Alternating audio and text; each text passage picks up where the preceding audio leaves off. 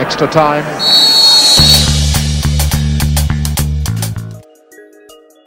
Yo, halo football lovers, apa kabar ya nih? Nah, di episode kali ini, kalian bakal ditemani oleh gue, Rizky, dan tentunya gue juga nggak sendirian dong. Gue bakal ditemani oleh tiga rekan gue, yaitu Dilon, Jupe, dan Stephanie. Nah, kali ini kita bakal ngebahas apa sih, Pe? Nah, di episode kali ini kita bakal ngebahas seputar sepak bola nih Sobat Dalam Gawang. Tapi kali ini ada yang spesial, karena kita bakal ditemani oleh seorang striker legenda timnas Indonesia. Julukannya sih itu si Kurus. Ih, sobat dalam gawang pasti beberapa ada yang tahu dong. Langsung aja kita sambut kali ya. Ini dia Kurniawan Dwi Yulianto. Ya. Tepuk tangan dong sobat dalam gawang. Ntar ada efek-efek gitu ya. Halo Pak. Halo Pak. Halo apa kabar semua? Baik, baik. baik. Selamat siang Pak. Uh, mungkin sebelumnya biar enak nih kita panggil Bapak itu Om, Mas, Coach, atau Bapak aja. Mungkin lebih enak. Kalau saat ini banyak yang manggil saya coach karena okay. saya di pelatih. Iya, iya. Oke, berarti kita panggil coach saja ya kawan-kawan. boleh, boleh. Oke. Siap, siap. Coach Kurniawan, uh, apa kabar sekarang? Alhamdulillah baik. Uh, sekarang dapat rezeki melatih di tim iya. di Malaysia, alhamdulillah. Iya. Dengar-dengar coach ini orang Magelang ya? Karena saya juga asli Magelang dan ya sebelumnya bapak saya tadi pagi bapak saya nitip salam nih karena dia juga salah satu fans Om nih dia orang Magelang juga sama saya kayak saya. Waalaikumsalam. Magelang di? Di Tegalioso pak. Dekat. Oh, tahu nggak ya. pak? Dekat-dekat ya kawasan Borobudur Kalinegoro oh iya iya iya uh, mungkin nih pak ada yang bagi penasaran nih. Kan Bapak eh kan coach sekarang melatih di klub Malaysia nih ya. Ya. Berarti eh, sekarang menetap di Malaysia atau pulang pergi Malaysia Indonesia?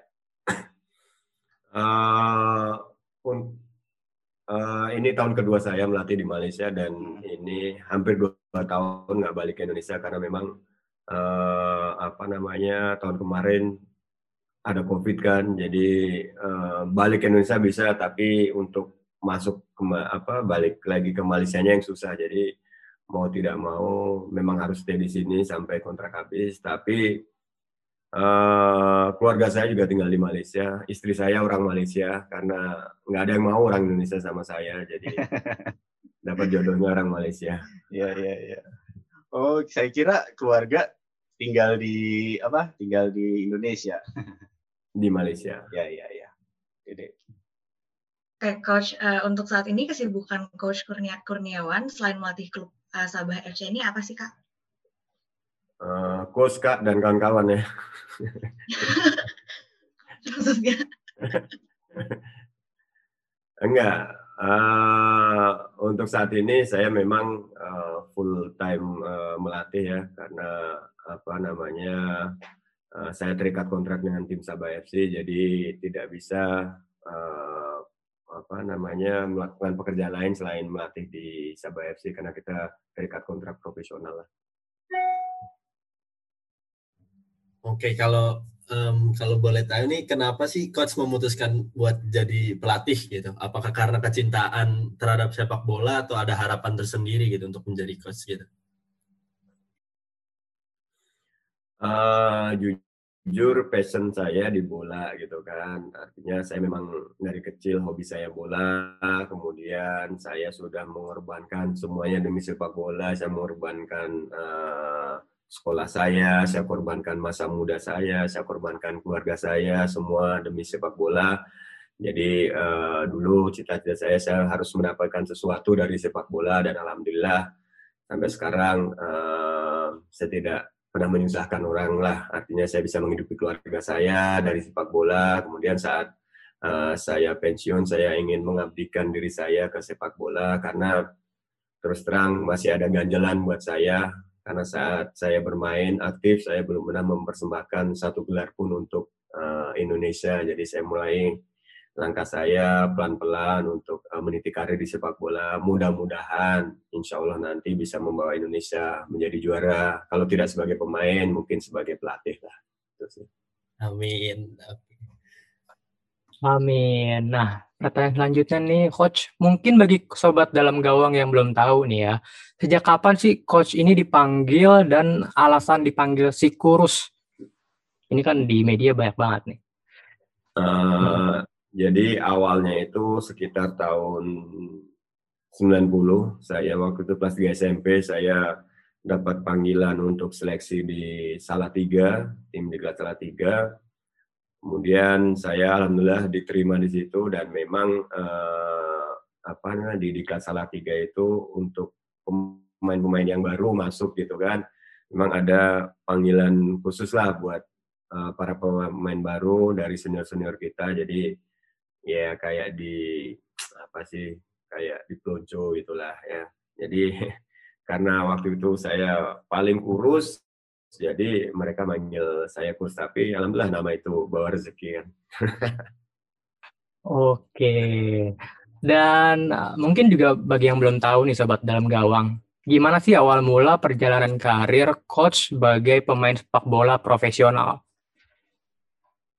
Uh, sebenarnya kebayang sampai seperti ini sih enggak gitu ya. Artinya dulu waktu kecil sih hanya uh, nonton bola di TV jadi uh, apa namanya mimpi saya hanya pengen oh saya pengen masuk TV pengen keluar negeri gratis naik pesawat gratis sesimpel itulah gitu kan. Tapi sering berke apa berjalannya waktu kesempatan itu ada gitu kan. Saya ikut sekolah sepak bola kemudian jadi juara kemudian masuk ke diklat tiga di diklat tiga mimpi saya berubah lagi karena kelas salah tiga mimpi saya pengen apa namanya pengen dapat beasiswa untuk kuliah di UGM waktu itu. Karena waktu itu uh, eh, UGM uh, eh, banyak mengambil pemain-pemain sepak bola untuk klubnya dan saya pengen masuk ke situ pengen kuliah gratis di situ. Tapi kelas 2 SMA saya dipanggil ke Ragunan. Kemudian di Ragunan saya masuk program Primavera di Itali. Nah di Itali itulah saya berubah total lah. Karena saya di sana melihat bagaimana kehidupan seorang pemain bola profesional. Saya belajar uh, bagaimana menjadi seorang pemain profesional. Jadi di situ saya mulai berpikir bahwa saya sudah mengorbankan segalanya, maka saya harus mendapatkan segalanya juga dari sepak bola. Itu yang merubah mindset saya waktu itu.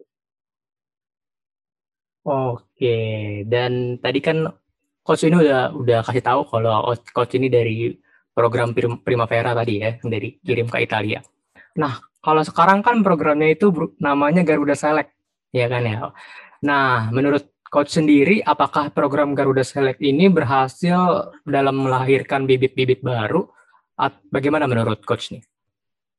Uh, ini ini pendapat saya pribadi ya. Maksudnya uh, tidak semuanya saya betul lah, tapi menurut saya pribadi memang bagus lah program seperti ini kita mengirimkan tim ke luar negeri. Uh, memang menurut saya kita banyak belajar lah, banyak belajar tentang sepak bolanya itu sendiri, tentang menjadi seorang main uh, apa namanya profesional sejati seperti apa, terus bagaimana kita menghargai value kita gitu kan. Tapi bagi saya sebenarnya mungkin akan lebih efektif kalau uh, kita mengirim bukan secara tim gitu kan, kita mengirim individu-individu ini ber pecah-pecah lah. Ya misalnya satu pemain di sini, satu pemain di sini karena uh, pada akhirnya nanti pemain ini saat mereka sendirian mereka akan uh, bisa mengatasi bagaimana pressure dari dari dari diri sendiri gitu kan.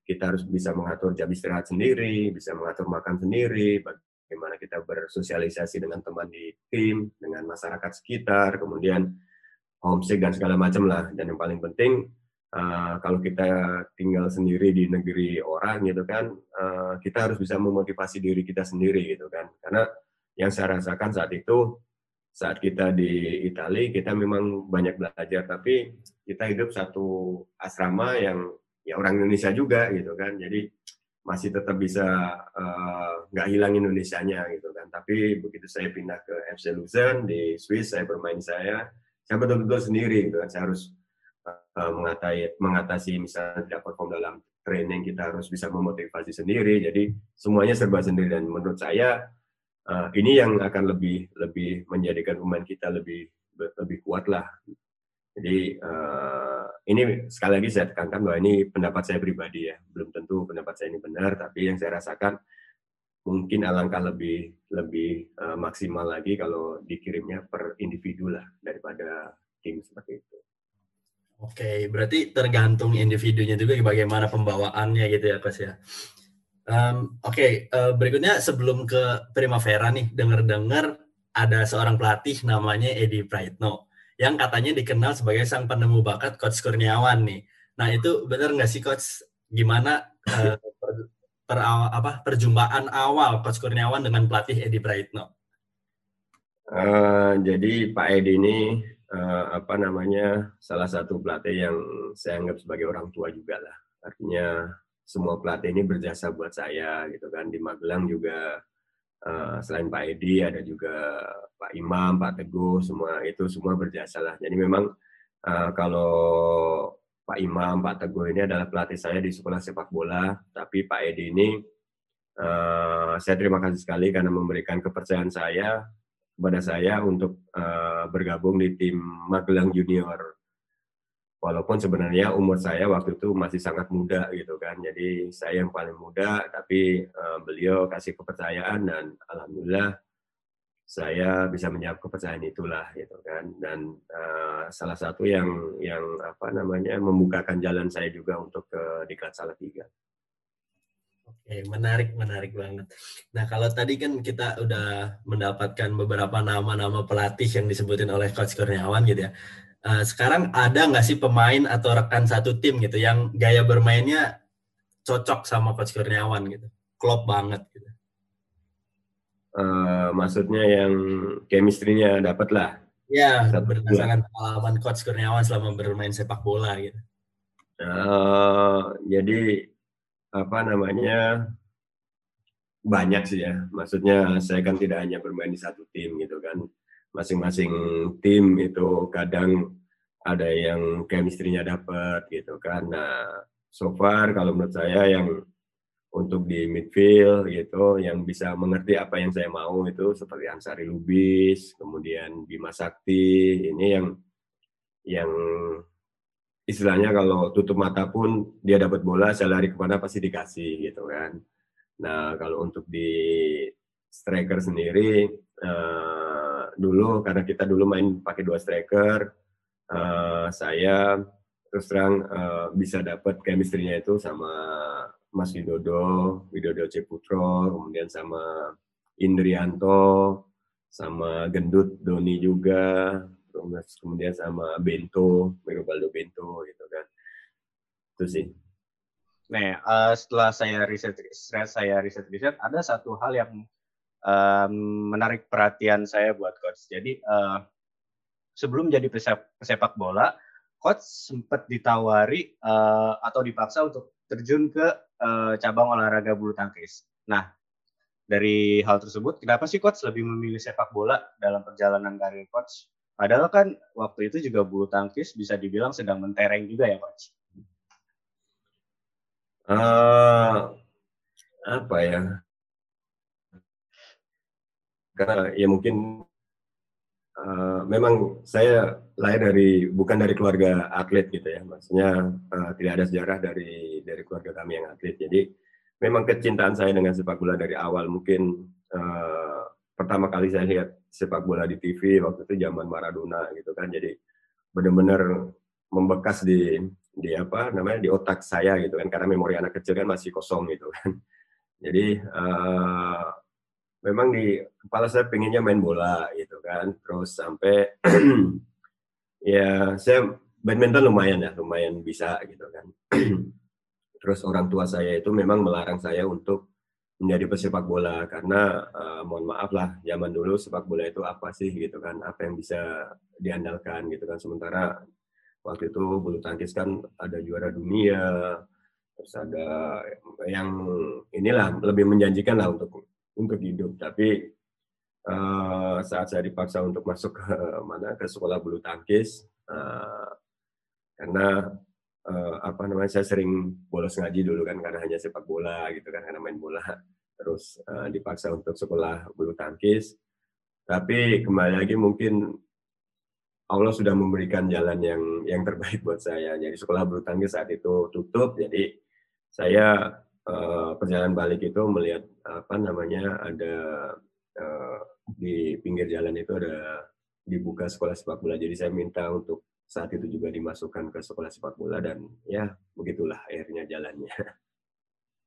Uh, kalau nggak salah uh, ada cerita kalau Om uh, coach sempat ini juga ya sempat nangis di angkot gitu karena ngelihat spanduk sekolah sepak bola gitu ya coach? Iya, jadi ya, karena mungkin kalau saya tidak nangis orang tua saya tidak mau masukkan ke sepak bola itu kan, iya, mungkin ya, ya, wajar. Karena mungkin malu di angkot gitu kan, nangis jadi mau tidak mau turun di situ juga. Jadi inilah apa namanya uh, akhirnya memasukkan saya mendaftarkan saya ke sekolah sepak bola itu. Hmm, ya. Dan kalau nggak salah juga waktu itu coach bilang kalau uh, coach ngumpulin dari sisa-sisa uang sekolah itu 100 perak dan untuk membeli sepatu seharga 11 ribu. Nah itu kan untuk 100 perak ke 11 ribu cukup menurut untuk kalau untuk dibayangin ke zaman sekarang kayak untuk cukup wow gitu coach kayak uh, susah gitu loh bisa dibilang. Iya, memang uh, banyak perjuangannya gitu kan. Iya, iya, iya. Nggak ya mungkin kembali lagi lah saya ingin apa namanya berbagi ke adik-adik yang ingin jadi sepak bola gitu kan. Jadi kalau melihat uh, apa namanya idola mereka siapa pun jangan melihat dari hasilnya gitu kan, tapi lihat dari perjuangan mereka gitu kan. Jadi memang susah sekali saya bagaimana saya untuk dapatkan sekolah apa sepatu bola itu harus mengumpulkan duit saya. Tapi memang alhamdulillah ada nenek saya lah yang ngasih tambahan gitu kan karena dia sayang banget sama saya waktu itu dan uh, itulah perjuangan yang yang memang saya alami memang benar-benar berat lah untuk menjadi pesepak bola bagaimana harus menantang apa ya menantang kemauan orang tua harus meyakinkan orang tua untuk dapetin apa namanya sepatu bola belum lagi berangkat latihan harus naik sepeda karena tidak ada apa namanya dia dikasih duit untuk uh, transport dan macam-macam lah. Hmm. Berarti mati-matian juga ya coach untuk perjuangan sebagai seorang sepak bola sampai bisa ada di tahap sekarang gitu. Iya, mati-matian lah. Belum beneran tapi. iya sih. Oke, selanjutnya eh, kan uh, banyak media-media dan masyarakat Indonesia yang menganggap bahwa uh, coach adalah salah satu striker terbaik yang pernah dimiliki oleh Indonesia. Nah, tapi menurut coach, menurut coach sendiri, ada nggak sih pengalaman atau pencapaian terbesar dalam karir coach selama menjadi pemain sepak bola? Menurut pandangan Om sendiri? Uh, kalau saya sih tidak tidak apa namanya? tidak merasa menjadi yang terbaik tidaklah. Ya, saya biasa-biasa aja. Mungkin karena dulu diuntungkan apa namanya ya pemain-pemain yang satu tim dengan saya yang bagus-bagus. Jadi saya banyak dapat bola suplai bola yang bagus-bagus gitu kan. Nah kalau apa namanya pencapaian terbesar apa ya? Ya tentunya dalam sepak bola saat bermain ya menandatangani kontrak profesional pertama kali dengan tim uh, luar negeri dengan tim FC Lucerne di Swiss jadi itu menjadi sejarah tersendiri buat uh, karir saya, buat cerita buat anak cucu saya nantinya gitu kan. Terus menjadi pemain Indonesia pertama yang mencetak gol di liga resmi di Eropa gitu kan. Dan ini tidak terbayarkan lah buat saya. Kemudian saat menjalani karir kepelatihan di tim profesional sebagai apa namanya pelatih kepala, saya pun menandatangani kontrak di tim luar negeri di Malaysia. Jadi saya merasa komplit lah uh, apa namanya uh, sejarah dalam hidup saya sendiri menandatangani kontrak profesional sebagai pemain di tim luar negeri, menandatangani kepala, pelatih kepala profesional di tim luar negeri juga. Oke, berarti uh, pernah main bareng juga nggak sih coach sama Mancini gitu, Roberto Mancini? Pernah, pernah. Pernah, pernah. Wow, itu pengalaman yang luar biasa. Kalau nggak salah sama pemain Spurs itu siapa? Kingsman siapa siapa? Lupa saya. Dulu. Ya. Lawan Klinsmann, kalau Klinsmann itu lawan gitu. Oh, kan. lawan ya ya. ya. satu tim dulu sempat main bareng itu sama Mancini, Ruth Gullit, ada Montella. Iya, Itulah. leg- legenda semua ya coach. Jadi kelihatan umur umur saya kan udah tua. Tapi masih terlihat bugar sih. Oke, jadi selanjutnya eh, kan coach dikenal sebagai seorang figur pesepak bola pertama asal Indonesia yang eh, mengawali karir profesional bermain di luar negeri untuk FC Luzern. Nah, permain pernah bermain juga atau mungkin eh, bisa dibilang seleksi atau latihan di Sampdoria eh Sampdoria kan ya coach ya? Alhamdulillah. Ya. Nah, dari semua pengalaman profesional tersebut, menurut coach, ada nggak sih eh, perbedaan yang begitu kerasa antara sepak bola luar negeri dengan sepak bola di Indonesia? Misal, kalau di luar negeri kan mungkin coach ngerasa fisik coach begi- begitu kekuras atau ada kendala bahasa atau lain-lain gitu coach. Eh, jadi kalau membandingkan rasanya tidak inilah ya maksudnya.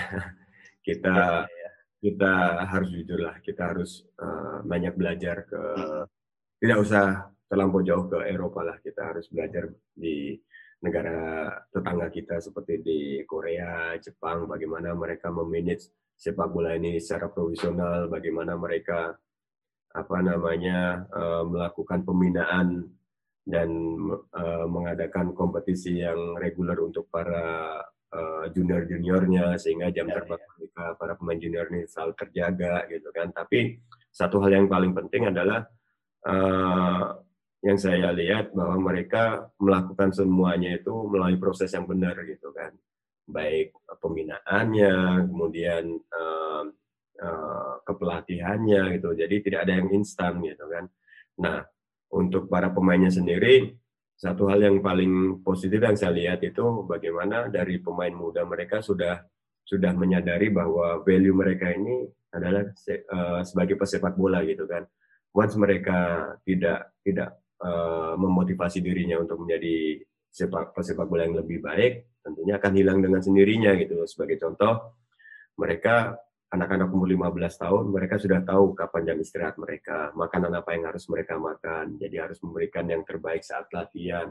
Karena eh, event itu teman sendiri tapi di dalam tim mereka harus tetap berkompetitif secara sehat gitu kan. Kalau tidak mereka tidak akan mendapat tempat. Jadi mereka sudah berpikir benar-benar bahwa yang bisa eh, apa namanya menaikkan value mereka adalah dirinya sendiri. Yang bisa uh, memotivasi dirinya adalah dirinya sendiri. Jadi mereka tidak akan tergantung dengan orang lain gitu kan. Jadi semua depend on you lah gitu kan. Kalau lo benar-benar serius ya lo akan dapat hasil ya kalau tidak uh, ya ya segitu-segitu aja gitu kan. Dan ini yang harus uh, dimiliki atau uh, dirubah mindset para pemain-pemain muda kita lah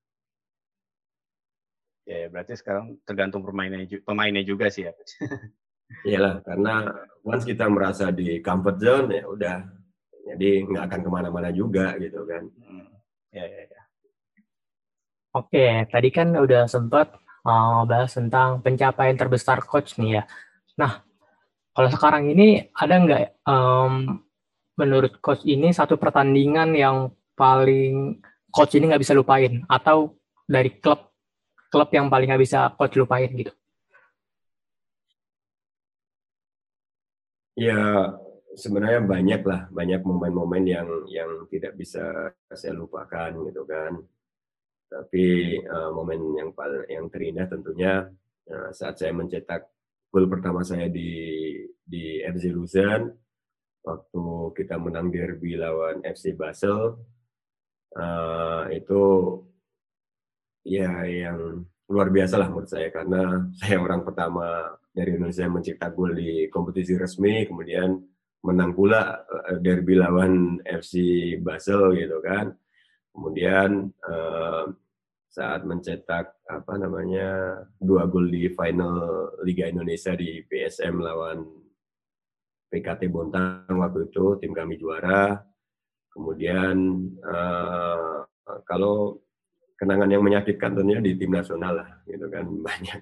Seperti saya sebenarnya sempat mencetak gol di final SEA Games 97 kita ketinggalan 1-0 di Senayan. Kemudian uh, saya menyamakan satu sama tapi akhirnya kalah di di final itu adu penalti lawan Thailand.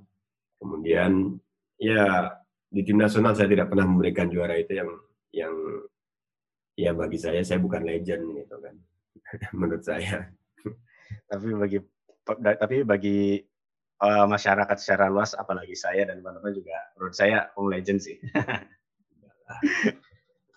Oke. okay. Nah, Om uh, tadi kan Om sempat nyinggung soal uh, pema kedisiplinan pemain. Nah, uh, menurut pan uh, saya punya pertanyaan. Jadi saya, saya kan sebagai seorang masyarakat umum atau masyarakat awal istilahnya lah ya.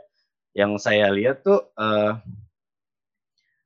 timnas senior sekarang tuh kayak misalkan pada waktu mereka di usia muda, misalkan berkacalah pada usia U16, U19 itu mereka menunjukkan taring dan prestasinya.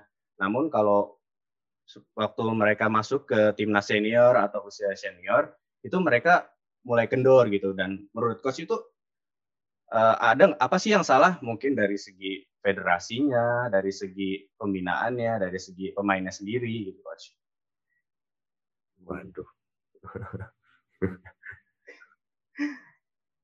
Beratnya saya tidak mau berkomentar banyak lah tentang oh, itu. Iya, iya.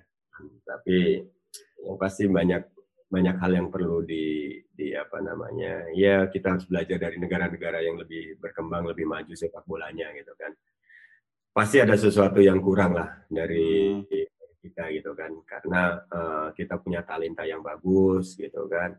Hanya memang kadang nih uh, hal yang paling paling apa namanya terlihat sih saat uh, apa namanya kompetisi reguler buat mereka itu sangat kurang gitu kan. Uh, karena pemain muda ini kan perlu jam terbang gitu kan.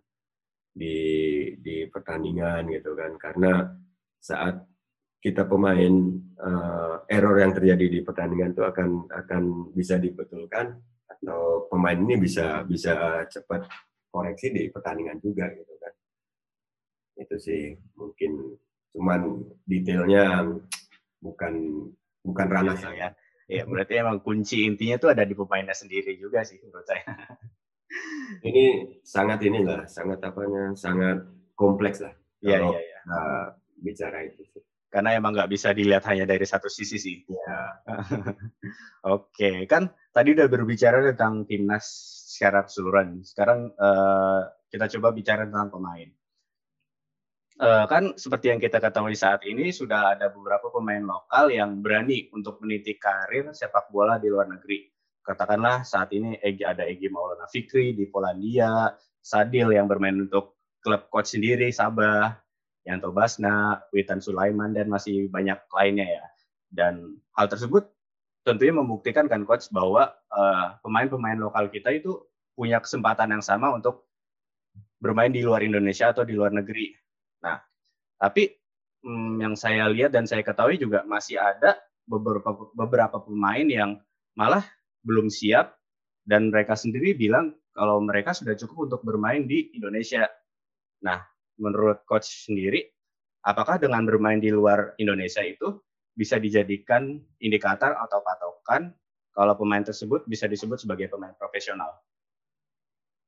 Uh, jadi gini apa namanya kita bisa melihat dari beberapa angle lah gitu kan. Iya iya iya. Jadi kalau saya ini yang yang saya tekankan ke Sadil lah ke Sadil.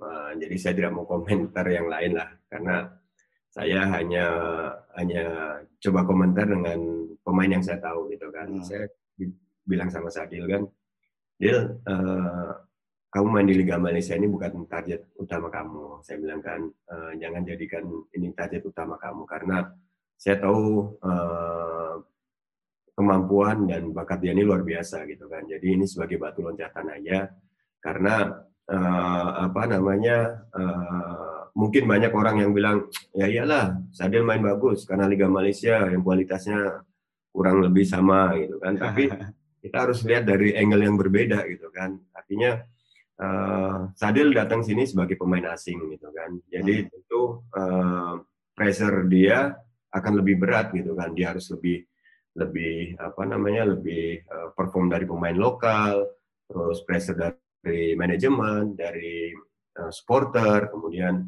sebagai pemain asing harus selalu memberikan lebih daripada yang lain. Dan ini uh, saya coba bicara ke Sadil bahwa kalau kamu bisa uh, apa lewati masa-masa seperti ini jadi kamu jangan lihat dari liganya gitu kan, tapi dari sisi yang berbeda untuk mental kamu gitu kan. Kalau kamu bisa melewati masa ini, insya Allah ke depannya akan lebih memudahkan kamu karena uh, dengan kemampuan yang ada, yang dia punya, tinggal bagaimana dia memanage mental dia gitu kan. Kalau dia bisa bagus di sini, insya Allah di Jepang, di Korea itu akan lebih memudahkan dia lah gitu kan.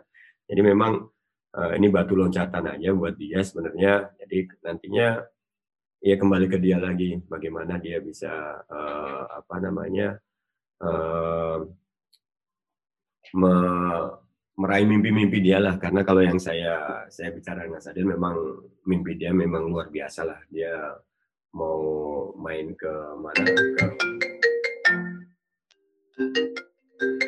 ya. tidak apa-apa coach. Tidak apa-apa Oke. Ya, karena dia pengen main di di liga yang levelnya lebih tinggi. Ya, ya, ya. Artinya ini step dia sudah betul gitu kan. Dan mudah-mudahan kita doakan lah apa yang jadi cita-cita dia dapat tercapai. Berarti uh, pendekatan coach ke misalkan ke salah satu main kayak Sadi lah contohnya itu nggak cuma hanya sekedar coach ya. Jadi pendekatan coach itu bisa sebagai orang tua yang memotivasi mengarahkan dia ya coach ya.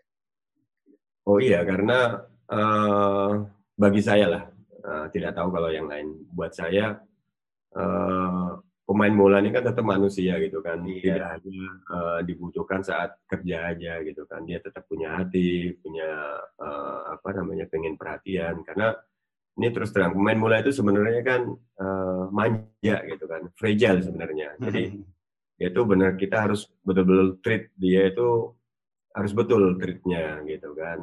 Tapi tetap ada batasannya. Kamu sebagai pemain, kita sebagai coach tetap harus ada respect lah gitu kan. Hmm. Tapi karena untuk menyatukan eh, apa namanya 22 atau 25 isi kepala untuk satu tujuan itu memang susah gitu kan. Lihat sih ya. karakter gitu kan. Belum lagi kalau ego para pemain ini tinggi, bagaimana dia tidak siap untuk jadi pemain cadangan segala macam. Jadi kita harus inilah harus pinter-pinter ambil hati para pemain ini.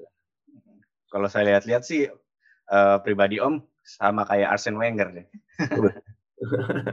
yang merangkul pemain-pemainnya. Oke, okay, uh, eh, ngomongin soal Sadil ya. Semalam saya saya lihat juga nonton pertandingan semalam nih. Oh iya BTW, selamat ya Om. Kayak eh selamat ya, selamat ya coach. Uh, semalam menang nih 4-0 dengan wow, hasil yang cukup telak dan mainnya bagus banget. Apalagi Sadil yang memberikan dua assist dan satu gol. Kenceng banget dia ya, coach. Alhamdulillah. ya. Oke. Okay. Selanjutnya, uh, nih, menurut pandangan coach sebagai seorang pelatih, kebetulan kan coach juga merupakan mantan seorang striker. Nah, menurut coach sendiri, kriteria seorang pemain dinilai uh, sebagai striker yang hebat itu dinilai dari apa sih, coach? Uh, Ini kalau yang saya ini lah ya, maksudnya kriteria buat saya atau pemain yang yang main untuk saya gitu kan. Saya mau striker itu yang yang pinter gitu kan, tidak hanya tidak hanya apa namanya mengandalkan otot saja gitu kan.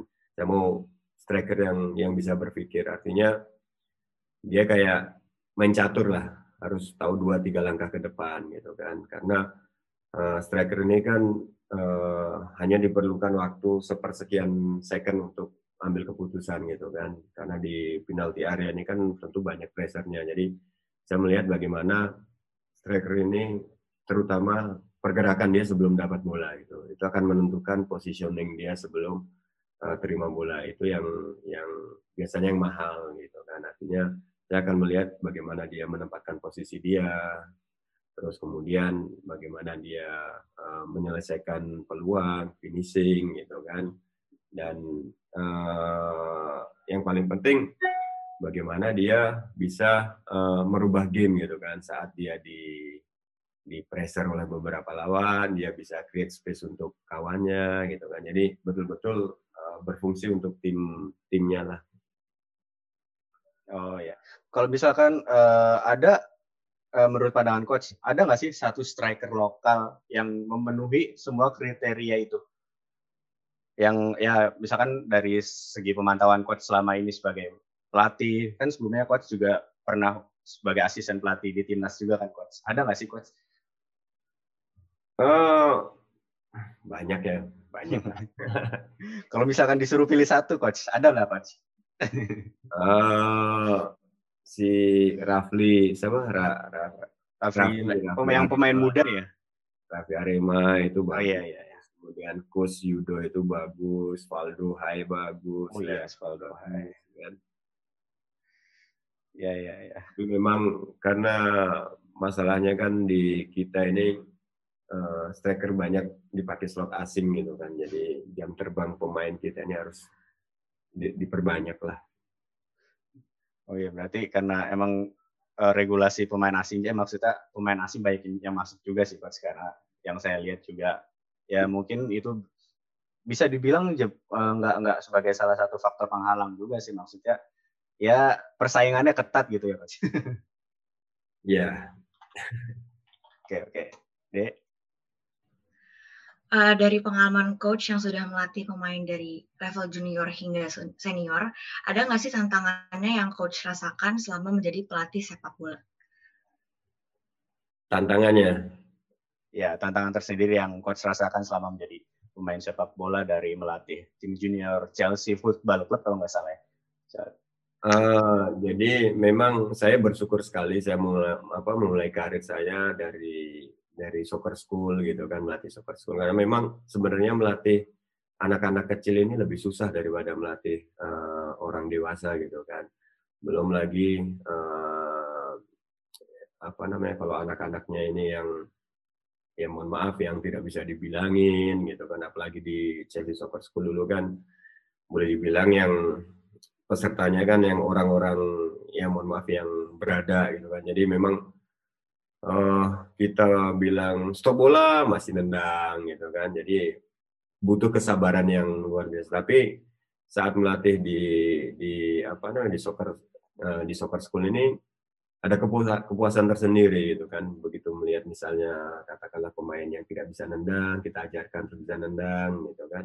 Itu jadi uh, kepuasan yang terbayarkan lah. Jadi memang uh, belajar kesabaran saya belajar dari uh, saat melatih di soccer school. Tapi kemudian saat melatih ke tim senior gitu kan, uh, kita uh, tantangan yang terberat adalah saat kita punya game plan, tapi pemain yang yang yang ada ini tidak sesuai dengan game plan kita gitu kan. Jadi paksa kita harus uh, merubah game plan kita, memaksimalkan pemain yang ada agar sesuai dengan game plan yang akan di apa namanya di dimainkan lah. Jadi untuk di senior level ini tantangannya lebih banyak ke ke taktikal lah, ke taktikal. Kemudian seperti yang kita bahas tadi, bagaimana menyatukan atau menekan ego para pemain ini yang yang tidak gampang lah. Oke, lalu uh, apa nih harapan coach untuk timnas atau sepak bola Indonesia ke depannya? Uh, untuk timnas ya yang pasti hampir sama lah dengan semua rakyat Indonesia kita pengen timnas juara gitu kan tapi terlepas dari itu saya berharap sih uh, apa namanya pembinaan di grassroots level kemudian di junior ini terus diseriusin karena pada akhirnya nanti mereka ini adalah tulang punggung tim nasional senior gitu. jadi harus dipikirkan bagaimana uh, memaintain mereka, menjaga, meningkatkan kualitas mereka sejak dari usia dini sampai ke senior level nanti. Oke, okay. Tadi kan uh, harapan untuk timnas. Ada nggak sih coach uh, pesan atau wejangan tersendiri buat para pemain-pemain ya para pemain-pemain yang sekarang sedang berumput di lokal maupun di luar negeri? Wejangan dari coach apa nih coach? Uh, yang paling utama lah ya. utama jadilah profesional sejati gitu kan. Artinya hmm, berkaca ke diri sendirilah apakah sudah menjadi seorang profesional sejati atau hanya sekedar hobi yang dibayar gitu kan. Karena ini bedanya tipis sekali. Iya sih. Kalau seorang profesional sejati tentunya dia akan tahu uh, bagaimana meningkatkan value mereka, bagaimana memaintain uh, performa mereka, bahkan even ya mohon maaf lah uh, kami di di pemain sepak bola ini kan knowledge tentang nutrisi itu uh, rendah sekali gitu kan. Jadi bagi mereka yang sudah menjadi pemain profesional tidak ada salahnya mengeluarkan dana sedikit untuk misalnya meng-hire uh, ahli gizi, ahli nutrisi toh itu untuk untuk dirinya sendiri atau misalnya uh, hire untuk uh, personal trainer apa yang menjadi kekurangan dia gitu kan dan hmm, itu ya. banyak dilakukan oleh pemain-pemain luar gitu kan artinya saat kita sadar bahwa kita menjadi seorang profesional pasti akan melakukan apa aja untuk meningkatkan kualitas kita lah. Nah, football lovers itu tadi cerita bareng Coach Kurniawan. Tentunya banyak dong pelajaran yang bisa kita ambil dari perbincangan kita dengan seorang legenda sepak bola nih. So, semoga sepak bola di Indonesia bisa mencapai prestasi yang lebih tinggi lagi. See you football lovers dan salam olahraga.